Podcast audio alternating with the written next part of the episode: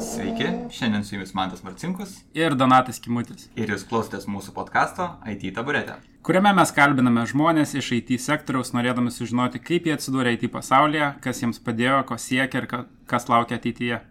Ir šiandien ant taburetės sėdi Tieto Lietuva generalinis direktorius ir Infobalt vic- viceprezidentas Tomas Vitkus. Labas, Tomai. Sveiki, sveiki. Labas. Tai gal pradžiai Tomai papasakok tada, kas tu toks žmonėms, kurie dar to nežino.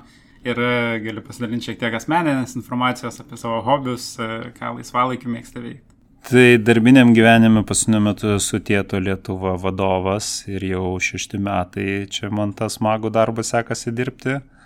Taip pat dar laisvalaikio esu ir Infobalto valdyboje, bei labai tokį turiu naują užsiemimą su viešosios įmonės plačiuostis internetas valdybos narys. Tai irgi labai laukiu įdomios patirties. O be darbo dar labai mėgstu keliauti, žaidžiu skvošą ir um, gyvenu įdomų gyvenimą. Tai sakai, mėgsti keliauti, kokia buvo įspūdingiausia šalis, kurią aplankiai?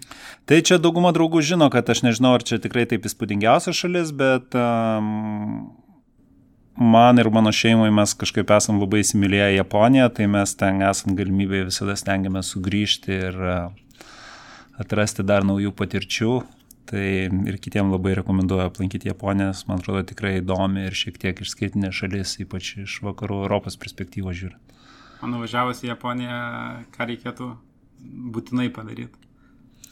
Atsipalaiduoti ir pasimėgauti. ir paragauti maisto, man atrodo. Labai maistas man tai ten irgi yra tokia atskira sritis, kurią ten gali atradinėti ir atradinėti.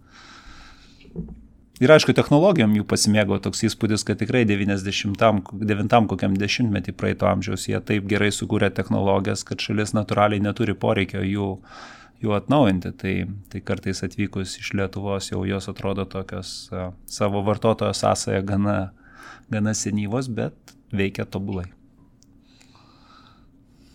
Tai tada gal judam prie kaip atsidūrė IT pasaulyje, nuo ko prasidėjo tavo šiaip karjera profesionali, kaip IT pasaulis atsirado tavo gyvenime.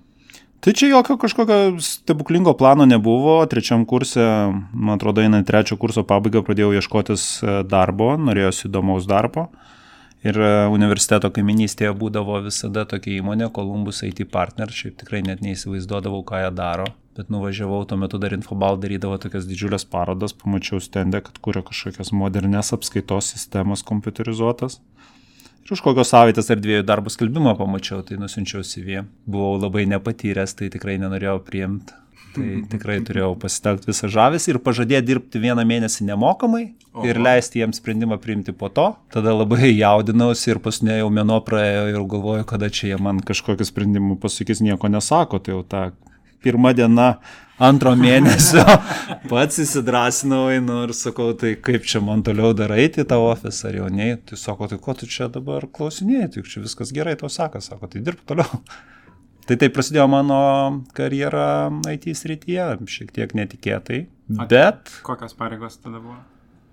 Tai turbūt oficialiai jos vadinosi pardavimų vadybininkas, bet realiai tai toks buvo turbūt pardavimų asistentas. Ten iki man dar klientam nelabai leisdavo skambinti, aš tik tai ieškodavau, skaitydavau pasiūlymus, juos redaguodavau, bandydavau kažkokius draftus paruošti, bandydavau sistemoje ten tokias, duodavo man tokius demo, demo kompaktus, tai aš juos ten kažką pasileidęs bandydavau susižiūrėti.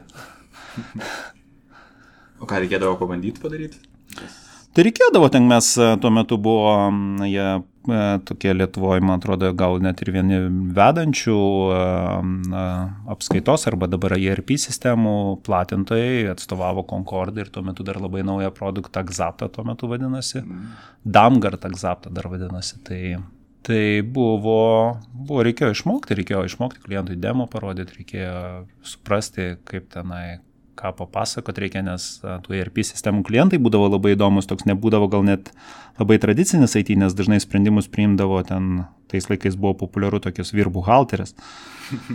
o jos turėjo labai tokių kartais keistų klausimų, bet...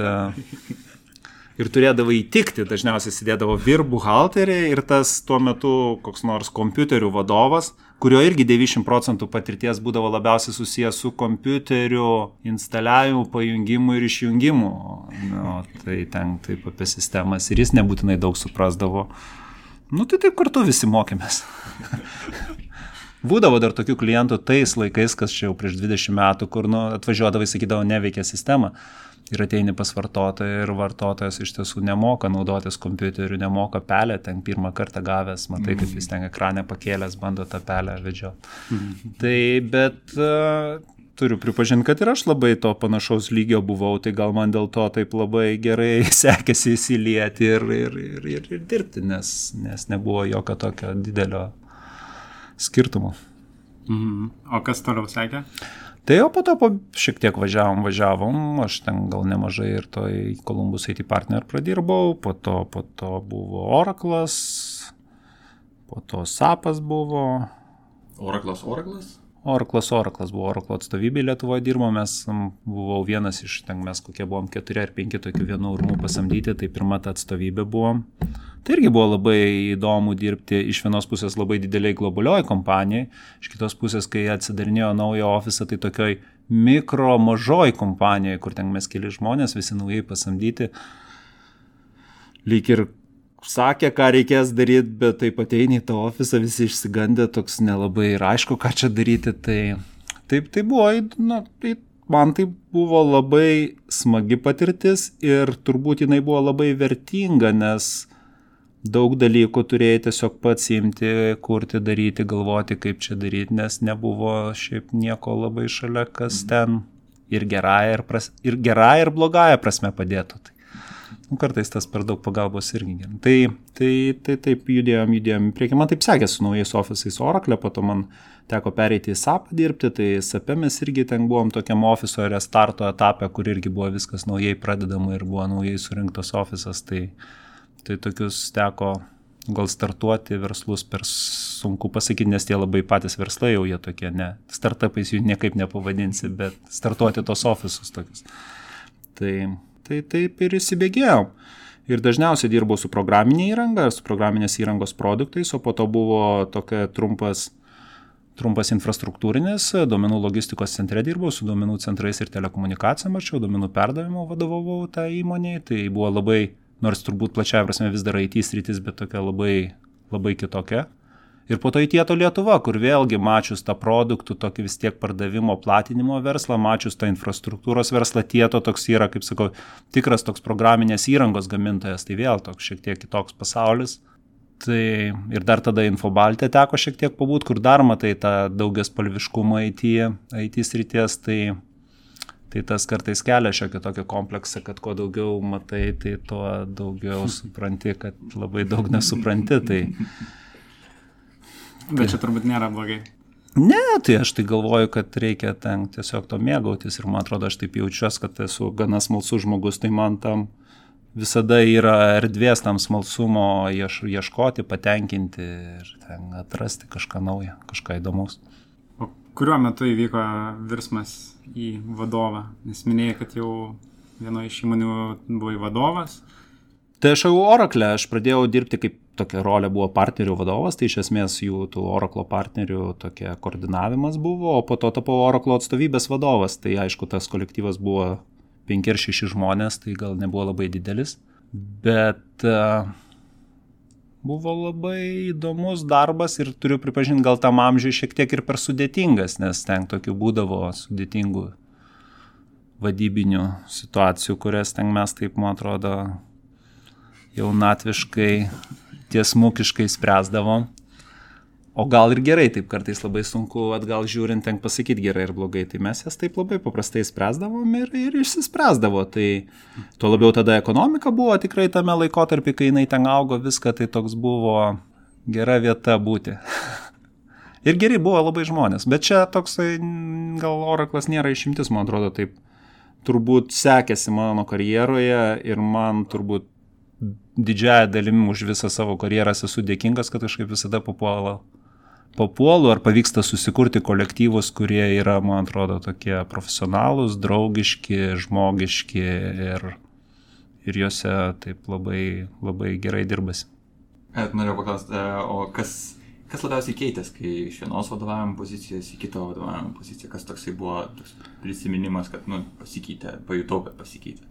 Tai aišku, visų pirma, tai pasikeičia žmonės ir, ir taip visada, bent jau man buvo, kad ateini į kitą įmonę vadovauti ir taip atrodo, kad jau daug išmokęsis ir tokių lik turi mąstymo templėtų susikūręs, kurie tau padeda kažkaip per gyvenimą eiti ir taip noris juos visada pulti, taikyti, nes tu esi įsitikinęs, kad jie kažkaip veiks.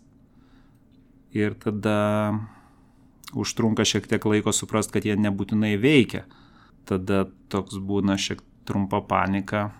Tai, tai rytieto ties, aš ten, man atrodo, taip jau aiškiai žinojau, kaip čia viską reikia daryti. Tada už trijų mėnesių supratau, kad aiškiai kitaip reikia daryti, o tada dar už pusmečio dėjo, kad nu dabar vat, jau tikrai supratau, kaip reikia daryti. Bet čia vėl į tą procesą žiūriu, man atrodo, labai žmogiškai. Tai, tai man pačiam jisai yra malonus procesas, tas mokymosi ir tokio susigyvenimo tiek su įmonė, tiek su žmonėm suprantu, kad kai kuriems žmonėmis gali būti ir tiek pat nemalonus, nes jis tokio sukelia vis tiek, na, jeigu vadovas už trijų mėnesių ateina su kita nuomonė, negu buvo prieš tai tris mėnesius, aišku, kažkas sako, kas tau atsitiko, nu, kodėl tu sakei, darom taip, o mm. dabar sakai priešingai, tai kas, ką, ką, ką tu valgiai. tai, bet tai ir sakai, nu, aš galvojau, kad taip, o dėja dabar faktai rodo, kad klydau. Mm.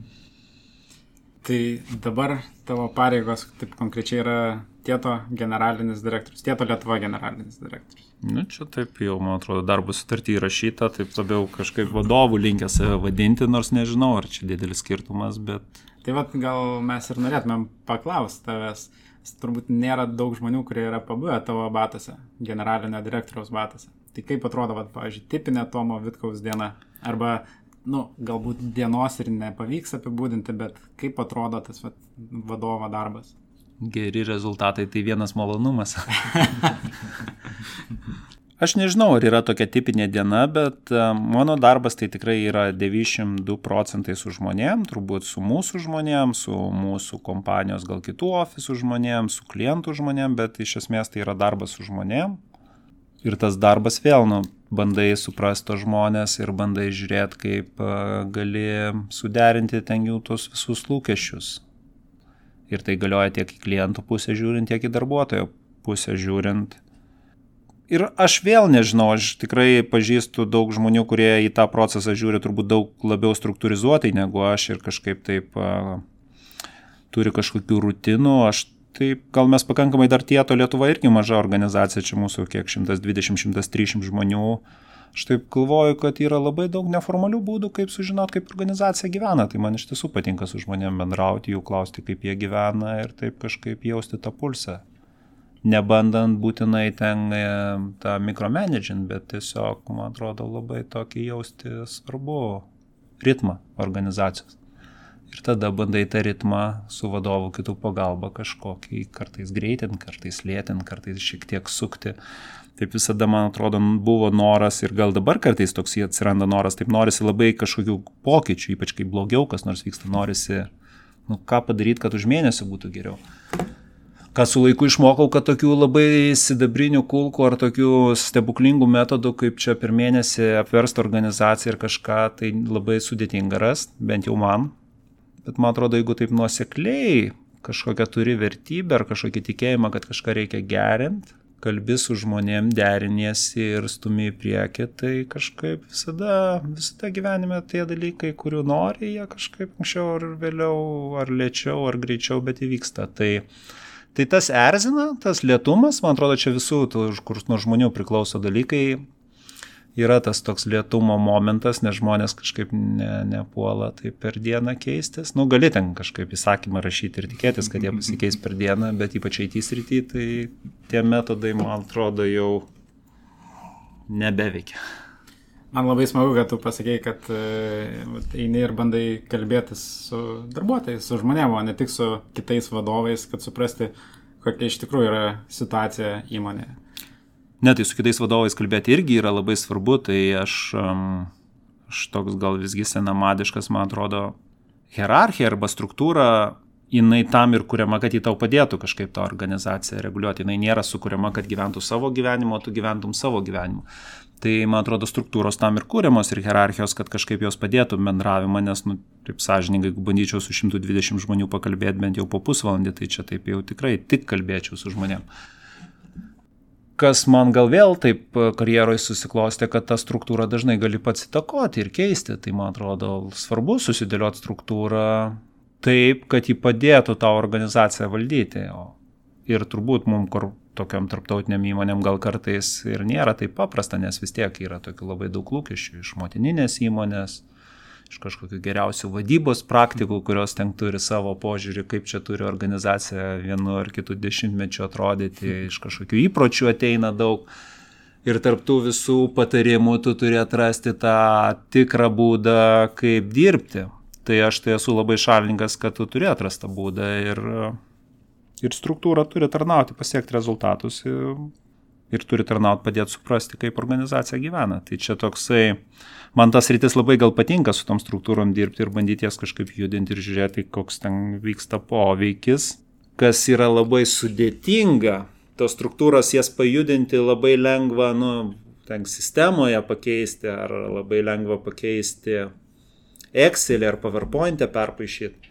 Bet kai turi tikrai pakeisti žmonių struktūras, kur nu, tikrai turi įgalinti kažkurios žmonės, kažkurios žmonės labiau kažkur nukreipti, perstumdyti, Tai tas gyvenime taip greit nepersisnubėjo, tai toks dar būna įdomesnis etapas, kai Excel struktūrą jau pakeitė, žmonėm pasakė, kad bus nauja struktūra, bet matai, kad viskas veikia kaip veikia prieš tai. Tada kokie didžiausi iššūkiai tada būna, kai va, taip kaip pereinamas laikotarpis iš Excel į realaus gyvenimą? Komunikacija toks žodis yra, bet tas komunikacija žodis tai toks kaip ir bet kuriai visas problemas toks gyvenime gali savesti komunikaciją. Tai Tai man atrodo yra su žmonėm ir, ir žinau, yra ir aš pats buvau labai didelis šalininkas, kad sako, labiau žmonės įtrauk ir tada viskas bus lengviau. Ką gyvenime išmokau, kad kartais tai tikrai geras receptas, bet kartais geriau žmonėm pasakyti, ko tu nori ir irgi tai yra žymiai mhm. tiesesnis ir lengvesnis kelias, negu ten tikrai laukti, kol tie žmonės atspės, ką tu čia tikrai turėjai omeny ir kada čia tas kaučinimo dviejų metų ciklas prasisuks. Tai Tai jūt, man atrodo, tas svarbu, gal šiandieniniai vadyboje, kur labai daug tų modernių metodų ateina, neužmiršti, kad, na, piramidės irgi pasistatė nebūtinai žinant tas naujausius vadybos metodus, tai juos kažkaip miksuot protingai ir, man mhm. atrodo, reikia. Pradėjom kalbėti jau dabar apie organizaciją, apie struktūras ir panašiai. Visai neseniai įvyko Tieto ir Evri apsijungimas. Tai mums daugiau gal įdomus yra, kodėl didelės kompanijos apsijungia. Tai perspektyvos, kaip tu tas matai. Taip, sujungimas vyksta dar, dar laukiama, man atrodo, konkurencijos tarnybų patvirtinimo, tai ten matyti dar e, yra toks ketinimas išreikštas abiejų mm. įmonių susijungti. Mm. Tai aš manau, šita situacija neišimtis, mes matom tarp visų tą konsolidacijos procesą, ypač e, programinės įrangos, bet ir neprograminės, ir techninės įrangos, ir gal netgi techninės įrangos rytį anksčiau įvyko, todėl dabar labiau matom programinės įrangos. Man atrodo, jie vyksta todėl, kad juose yra labai aiškus business cases arba verslo tokia logika, nes susijungia dvi įmonės vykdančios panašią veiklą, tai reiškia, kad tą veiklą ir tas pajamas turbūt greičiausiai galės išlaikyti, bet tokius operacinius ir aptarnaujančius kaštus sujungus galėsi sumažinti, na, jeigu ne dvigubai, tai bent jau 300 ar 40 procentų, mm. kas vėlgi, jeigu ten tieto ir evry grubiai, sakykime, yra kompanijos ten dydžio 1 milijardas apyvartos ir ten uždirbančios po 560 milijonų pelno, Tai jeigu tą sugebė dviejų įmonių 100 milijonų pelną 300 procentų padidinti, tai yra 30 milijonų eurų. Tai manau, akcininkam matant tokią galimybę per metus dar 300 milijonų turėti eurų, tai yra labai aiški verslo logika.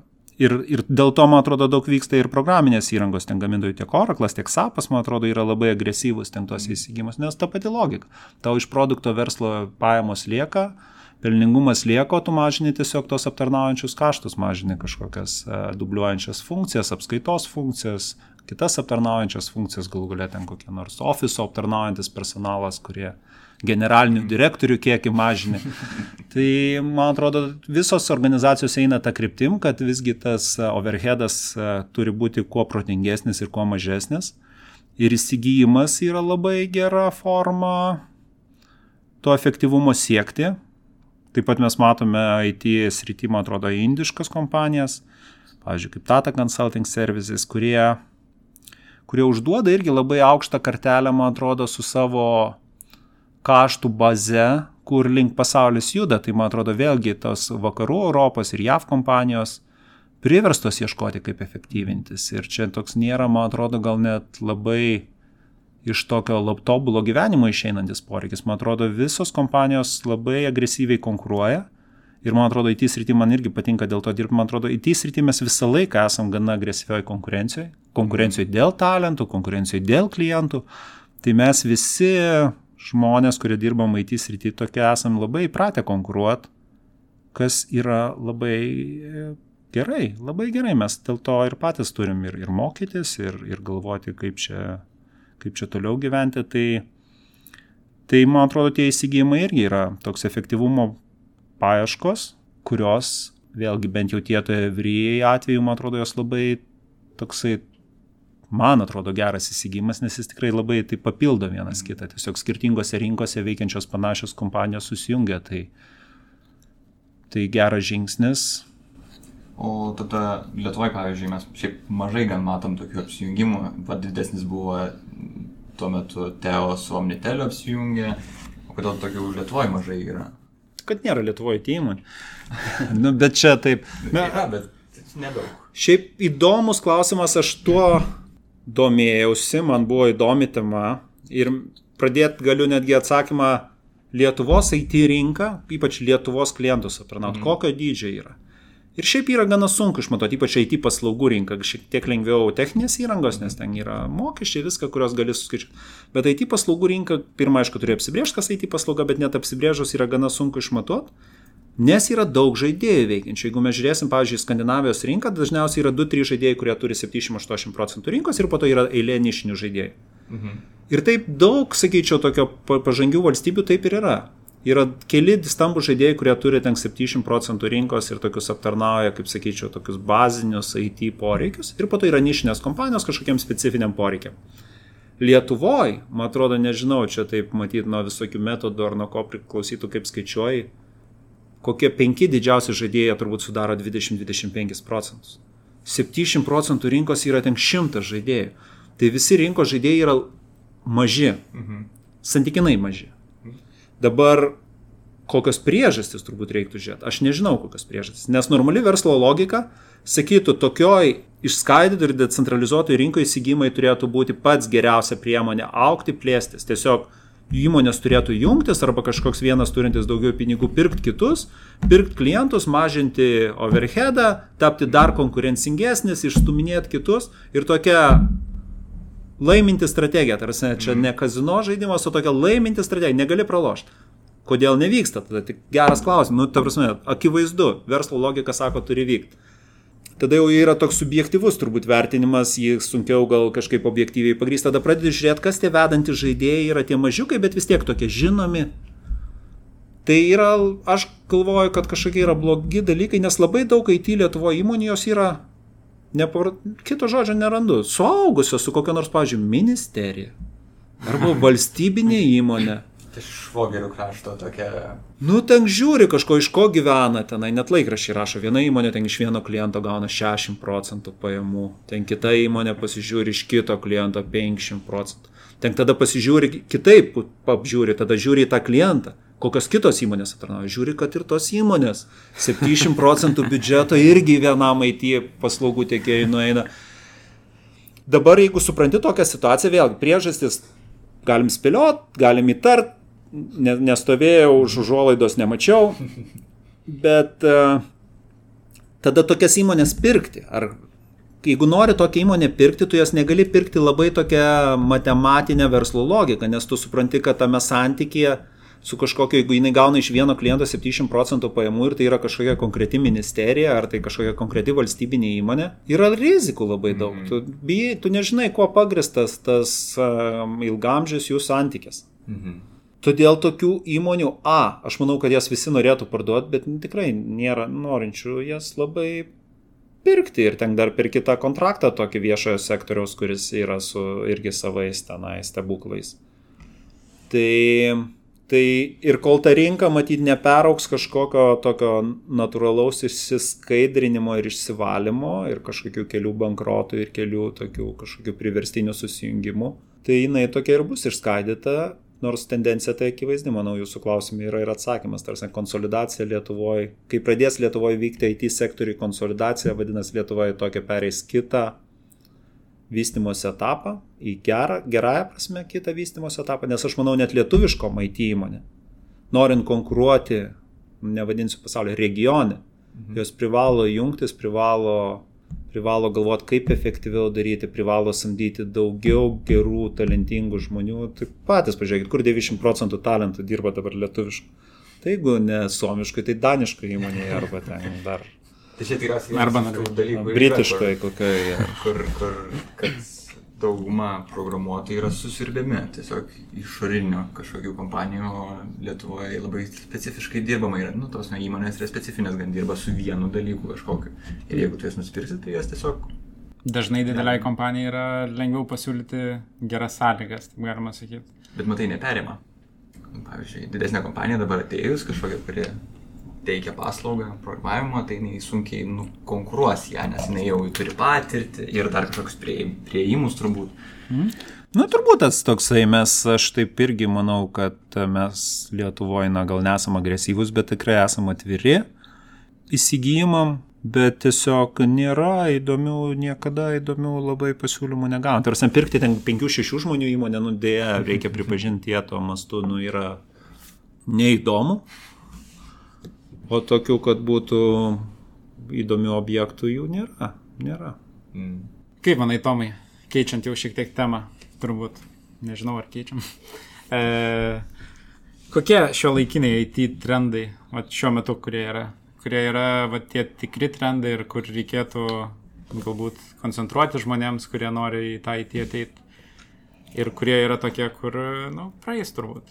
Aš nežinau. Šiaip kaip aš galvoju, kad e, mes ir tieto Lietuvoje bandom spręsti, man atrodo, ir tieto globaliai panašias metodikas taiko ir ypač Skandinavijoje, man atrodo, ta labai sklinda tikėjimas, kad gali būti, kad organizacijos vadovai vis mažiau žinos, kokie yra IT trendai. Todėl mes turime sugebėti perkelti kuo žemiau į organizacijai su tiem žmonėm, kurie tikrai ten programuoja, kurie tikrai dirba kasdien su klientu, su tom technologijom ir jie turi mums pasakyti, kokie trendai. Ir tie trendai iš tos tokios networking struktūros, jie turi ateiti ir, ir, ir kažkaip ten virsdami į kryptis. Tai aš tikrai nežinau, ką aš taip tokią turiu trijulę žodžių ir man atrodo, jie bent jau mano karjeroje prie 20 metų, jie taip sakyčiau, ratus sukasi visada yra centralizacija, konsolidacija, automatizacija tie žodžiai dažnai gauna vis kokį nors ten kitą formą, ten jeigu man atrodo taip grubiai apie automatizaciją prieš 20 metų buvo kalbama kaip čia kažkokia real-time sistemos buvo vadinamos, čia mhm. sukursim real-time system, kur ten matysim, bet buvo kalbama apie automatizavimą, tik tai tokiais kitais žodžiais.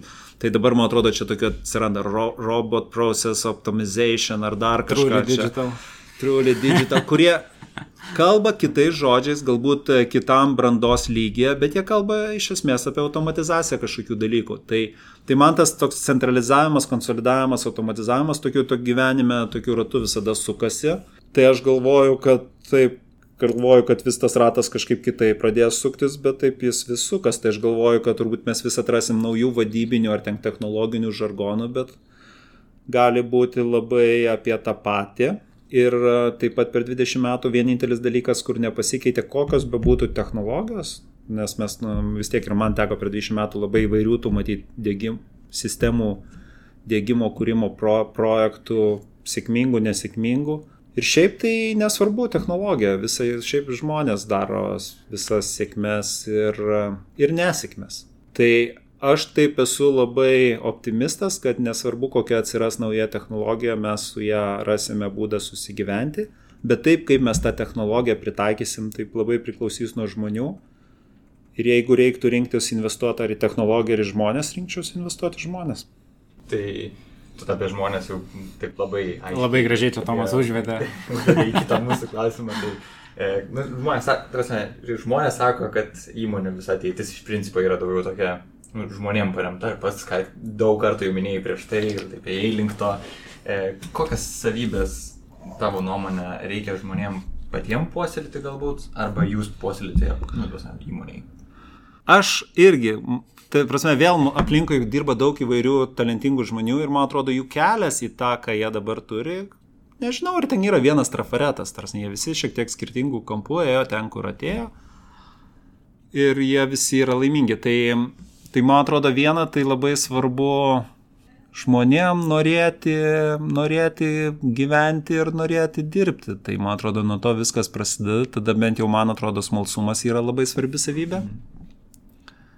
O jeigu nori, esi smalsus, tai ten jau po to, man atrodo, konkretus įgūdžiai ar konkrečios žinios, tai jos įgyjamos, gaunamos, randamos Ir netgi jeigu tu esi atviras apie tai, ko sieki ir nori, dar žiūrėk, tau atsiras dažnai gyvenime ir kas padeda ten tau tas žinias tas gauti ar tos įgūdžius įgyti. Tai, tai ir mes vėl IT srity dirbam, tokia atrodo irgi labai kažkokia technokratiškas rytis, bet vėl mes turim labai įvairių žmonių su įvairiais tokiais pagrindais, kurie ten studijavę skirtingus dalykus ir dabar patapę IT specialistais, projektų vadovais ar skyrių vadovais. Tai, tai nežinau, ar yra labai toksai unikalus receptas. Man atrodo, jeigu tikrai nori, tai reikia. Jeigu nori, tai reikia kažkokia čia buvo daina. Buvo, jo. Tai man atrodo labai, labai tas, o, o aišku, man atrodo tas toksai atvirumas, nuoširdumas, kantrybė, darbštumas, tai savybės, kurios ten niekada niekam netrukdė. Bet nežinau, ar jos yra tokia prerequisite. Jos yra labai geros savybės, kurias žmonės išsiugdo, bet uh, Bet eigoje, man atrodo, galima turėti ir daug visokių kitų savybių. Ir man atrodo, kuo toliau, to yra, man atrodo, svarbu turėti ir nestandartinių žmonių, ir tų nestandartinių, tokie, jie, su jais nėra lengva dirbti, bet man atrodo, svarbu tas, tas, tas nuomonės išgirsti, nes vėlgi, IT sistemas mes kuriam žmonėm. Mes turim suprasti, kad visuomenė irgi yra skirtingų žmonių. Mm. Tai tam, kad su sistema atliepti ko tokį platesnį ir įvairesnį žmonių, žmonių ratą mes turime turėti ir savo pusėje, kuo mm. platesnių ir skirtingesnių žmonių. Tai, tai aš tai kaip tik galvoju, kad man tai atrodo, kad jų reikia tokių visokių ir skirtingų ir būtų gerai, kad jie visi ne pagal vieną receptą būtų išauginti.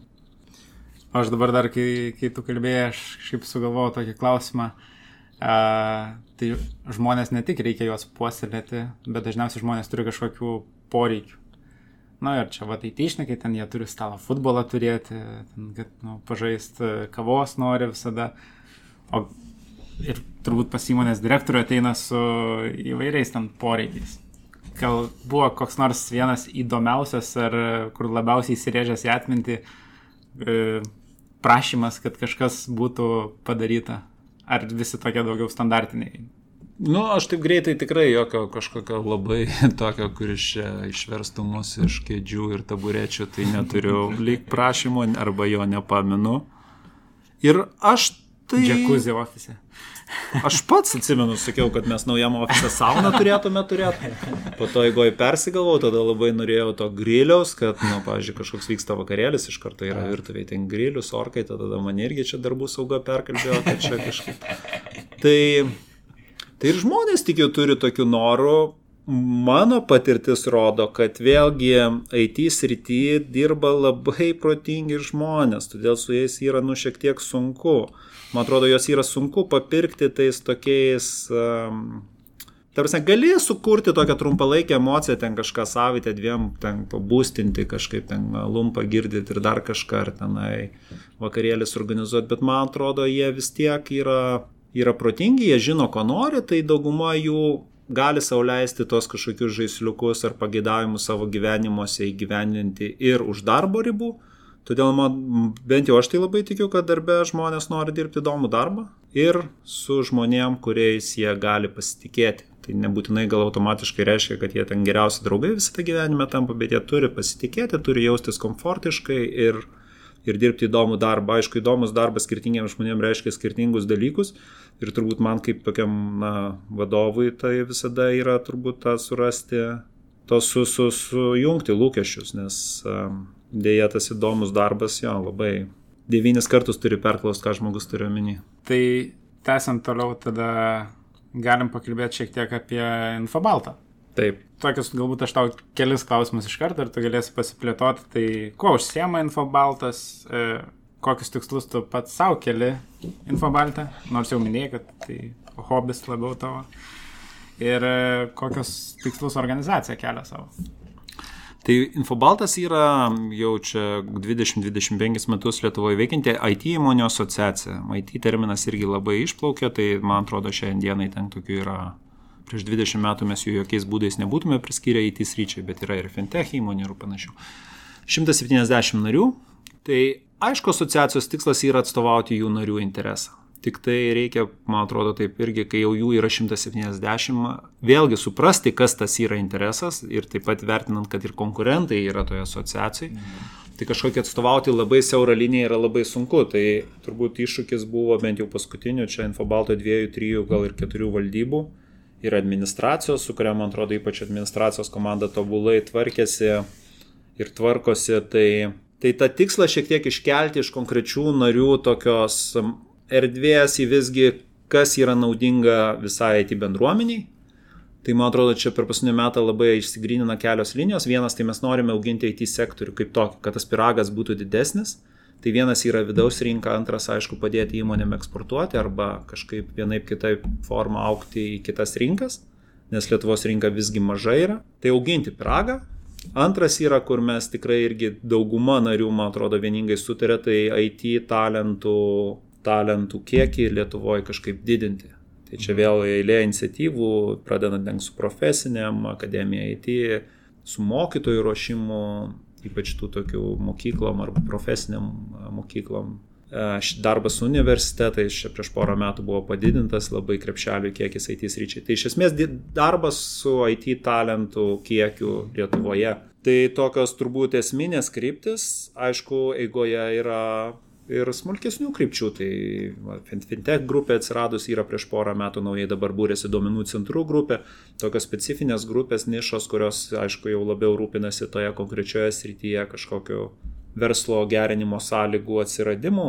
Taip pat netmestinai, na, darbas su vyriausybė arba su, su valdžios institucijom apie tai, kaip irgi sukurti sąlygas tiek IT įmonėm, tiek, man atrodo, IT specialistam Lietuvoje to mėgautis gyvenimu. Ir man atrodo, kuo toliau, kai mes kalbam, ką reikia padaryti, kad geriau gyventų Lietuvos IT įmonės, tai 92 procentai sakom, ką reikia padaryti, kad Lietuvoje IT talentingi žmonės norėtų gyventi. Mhm. Jeigu norės Lietuvoje gyventi IT talentai, atrodo, čia tos IT įmonės kažkaip ras būdą, kaip iš to daryti verslą. Mhm. Ir man atrodo, Lietuvoje yra daug čia tų gerų dalykų, kurie vyksta, tai aš taip optimistiškai žiūriu, aišku, visada norisi, kad e, viskas įvyktų daug greičiau, daug geriau ir kad čia būtų kažkokių tokių stebuklingų milijoninių projektų. Mhm. Tai jų nėra, bet e, viskam reikia laiko. O kaip sekasi su vyriausybė bendrauti? Tai vėlgi mes e, kaip valdyba užduodam tokį, na, turbūt toną, bendrauja pagrindę vadovas Infobalto ir jo komanda tai aš taip tos kasdienos nežinau, bet man atrodo, iš to, kiek Infobaltas teikia siūlymų ir tiek, kiek tų siūlymų vienokia ar kita forma yra mhm. įdėkta, tai man atrodo, Infobaltas yra išgirstamas.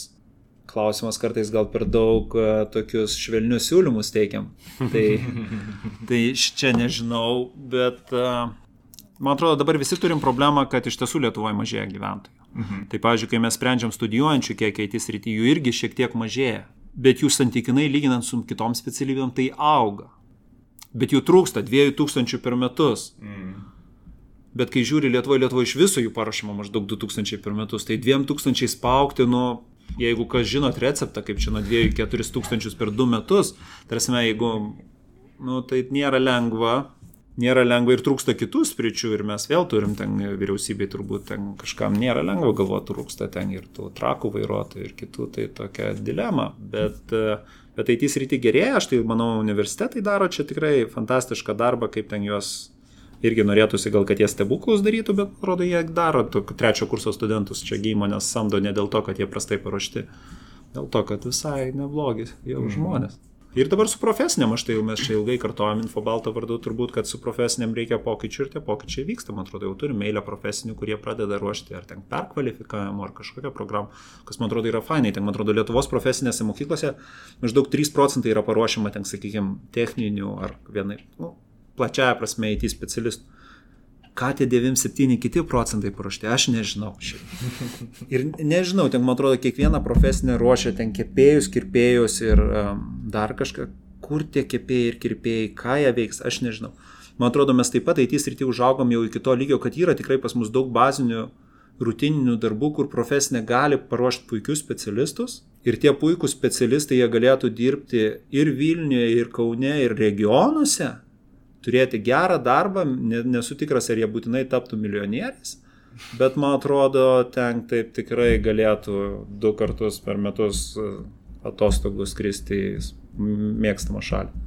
Tai pas mus turbūt šiek tiek yra iškrypus, iškrypęs požiūris į universitetą ar kolegiją ar profesinę mokyklą, dėl to, kad visi yra pripratę eiti į universitetą ir baigti universitetą būtinai ten, oho, bet šiaip iš esmės labai teisinga mintis, kad pabaigę profesinę mokyklą arba tą pačią kolegiją, žmonės taip pat gerai gali dirbti ir turėtų galėti gerai dirbti.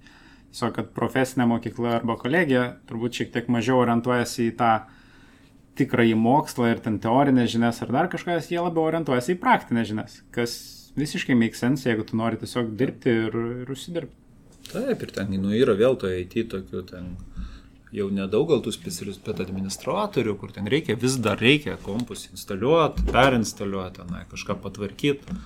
Tai man tai kartais gaila, kai ten kažkoks su magistro laipsniu žmogus turi tokį darbą daryti. Tai mm. Ir tikrai manau, kad kažkas neturėtų studijuoti magistratūroje, kad tokį darbą daryti, nebent jie tai labai mėgsta, tai tada tikrai viens kitam neprieštrauja. Tai, bet, uh, Tai ir galbūt tiesa galvos būdą kaip automatizuoti. Nu, va, tai čia, bet čia, bet čia galvat ir turėtų, jie tą turėtų galvoti, kaip automatizuoti, kaip kažkaip skeilą išgauti, kaip tenai kažkokius kitus dalykus padaryti, bet daug darbų gali būti atlikta žymiai naudojant mažiau tų kažkokių ypatingų lastelių. Man, tai čia yra didžiulė niša Lietuva. Jeigu mes ten iš tų 3 procentų sugebėsime į 17 paaukti, mes tikrai turėsime didžiulį pūlą žmonių, kurie, kurie, kurie galės plačiaja prasme IT srityje daryti, daryti poveikį. Sutinku. A, tai Tomai, mūsų laikas kaip ir artėja į pabaigą, mes, bet mes dar turim labai nemažai klausimų, kuriuos norėtumėm tau užduoti. Po du galima iš karto. tai, tai galim padaryti tokį labiau blitz klausimų e, raundą. E, tai kas labai yra įdomu, tai E, tavo konkrečiai nuomonė, čia turbūt irgi, kaip sakai, nėra silver bulletų, bet e, kokias savybės turėtų turėti lyderiai? Kaip aukti, norint būti geresniu lyderiu? Turint turėtų būti smalsus, mokytis ir, e, ir pasitikėti žmonėms, kurie juos supa anksčiau ir vėliau. Nes, nu, jeigu bandysi, aš nežinau, man tai tikrai, gali būti, kad aš tikrai nu, nelabai gabus, bet aš galvoju, kad pats gali labai mažai padaryti daug gali padaryti grupė žmonių ir tam ir yra, tam įmonės ir samdo 10, 100 ar 200 žmonių, kad ne vienas ar du darytų tos darbus. Tai, tai man atrodo sugebėjimas pasidalinti, įtraukti, deleguoti ir, ir tuo mėgautis yra labai svarbu. Aš žinau, kad čia yra blitz klausimų Taip, raundas, bet uh, aš labai noriu dar savo nuomonę įkišti. E, čia šiaip labai gera mintis ir, pavyzdžiui, aš kaip esu programuotojas, tai programuotojai rašo kodą ir jie jaučia, kad jie atneša kažkokią vertę. Tai vad kaip tu dabar sakai, gal aš nesu labai gabus. Bet e, žmonės po vieną nieko nepadarys, komandai dirbti be jokio pagaidinimo tos komandos neina. Tai vad tie žmonės ir turi padaryti, kad ta komanda galėtų efektyviai ir darniai dirbti. Bet vad kai tu darai tokį darbą, tai prarandi tą tokį kodo parašymo jausmą, kad tu atnešiai kažkokią vertę. Tai žinau, ką turiu omeny ir čia, man atrodo, tiem žmonėm, kurie auga iš kažkaip specialistų į vadovą, tas yra, man atrodo, mes irgi matom vadovus, nu, kažkiek ruoždami labai sunkus kelias yra, nes žmonės, jie, kai yra įpratę padaryti darbą, yra labai taip patogu būti atsakingam už savo darbo padarimą ir jie vis dar toliau nori padaryti savo darbą. Bet man atrodo, čia jo, vadovai norint būti sėkmingu, reikia išmokti džiaugtis kitų darbų, kas yra kartais nėra taip paprasta. Tu turi praeiti kažkokį ciklą, tu turi pradėti mėgautis tuo, ką padaro kiti, turi kažkaip pradėti mėgautis jiem padėti ir kažkaip susitaikyti, kad geriausius darbus ateityje padarys kiti žmonės. O turi pasitikėti, mokėti deleguoti ir suprasti, kad tavo darbas irgi neša vertę. Taip, taip, ir, ir, ir mė, nu, mėgau, man tai atrodo svarbu mėgautis, mėgautis. Ne, nežinau, ar čia per prievartą gali. Aišku, yra, tu, matyt, metodų ir procedūrų, kurios padeda ten taip labiau viską daryti, bet man atrodo svarbu mėgautis. Tai aš tai man tai tikrai smagu ir man tai smagu, kai kitiems sekasi, tai kažkaip neturiu dėl to didelių rūpešių, o tiem, o tiem, kurie nori būti geri lyderiai, man atrodo svarbu irgi su to sąmoningai dirbti. Mm. Tai dabar kitas klausimas, tada jau sunku pavadinti. E, paminėjai ką tik, kaip tu pats augi? Tai aš augau kaip ir visi, tai aš tai irgi ir mokausi. Laiks nuo laiko priverčiu save kas porą metų į kokį nors išvažiuoti sudėtingesnį mokymasi.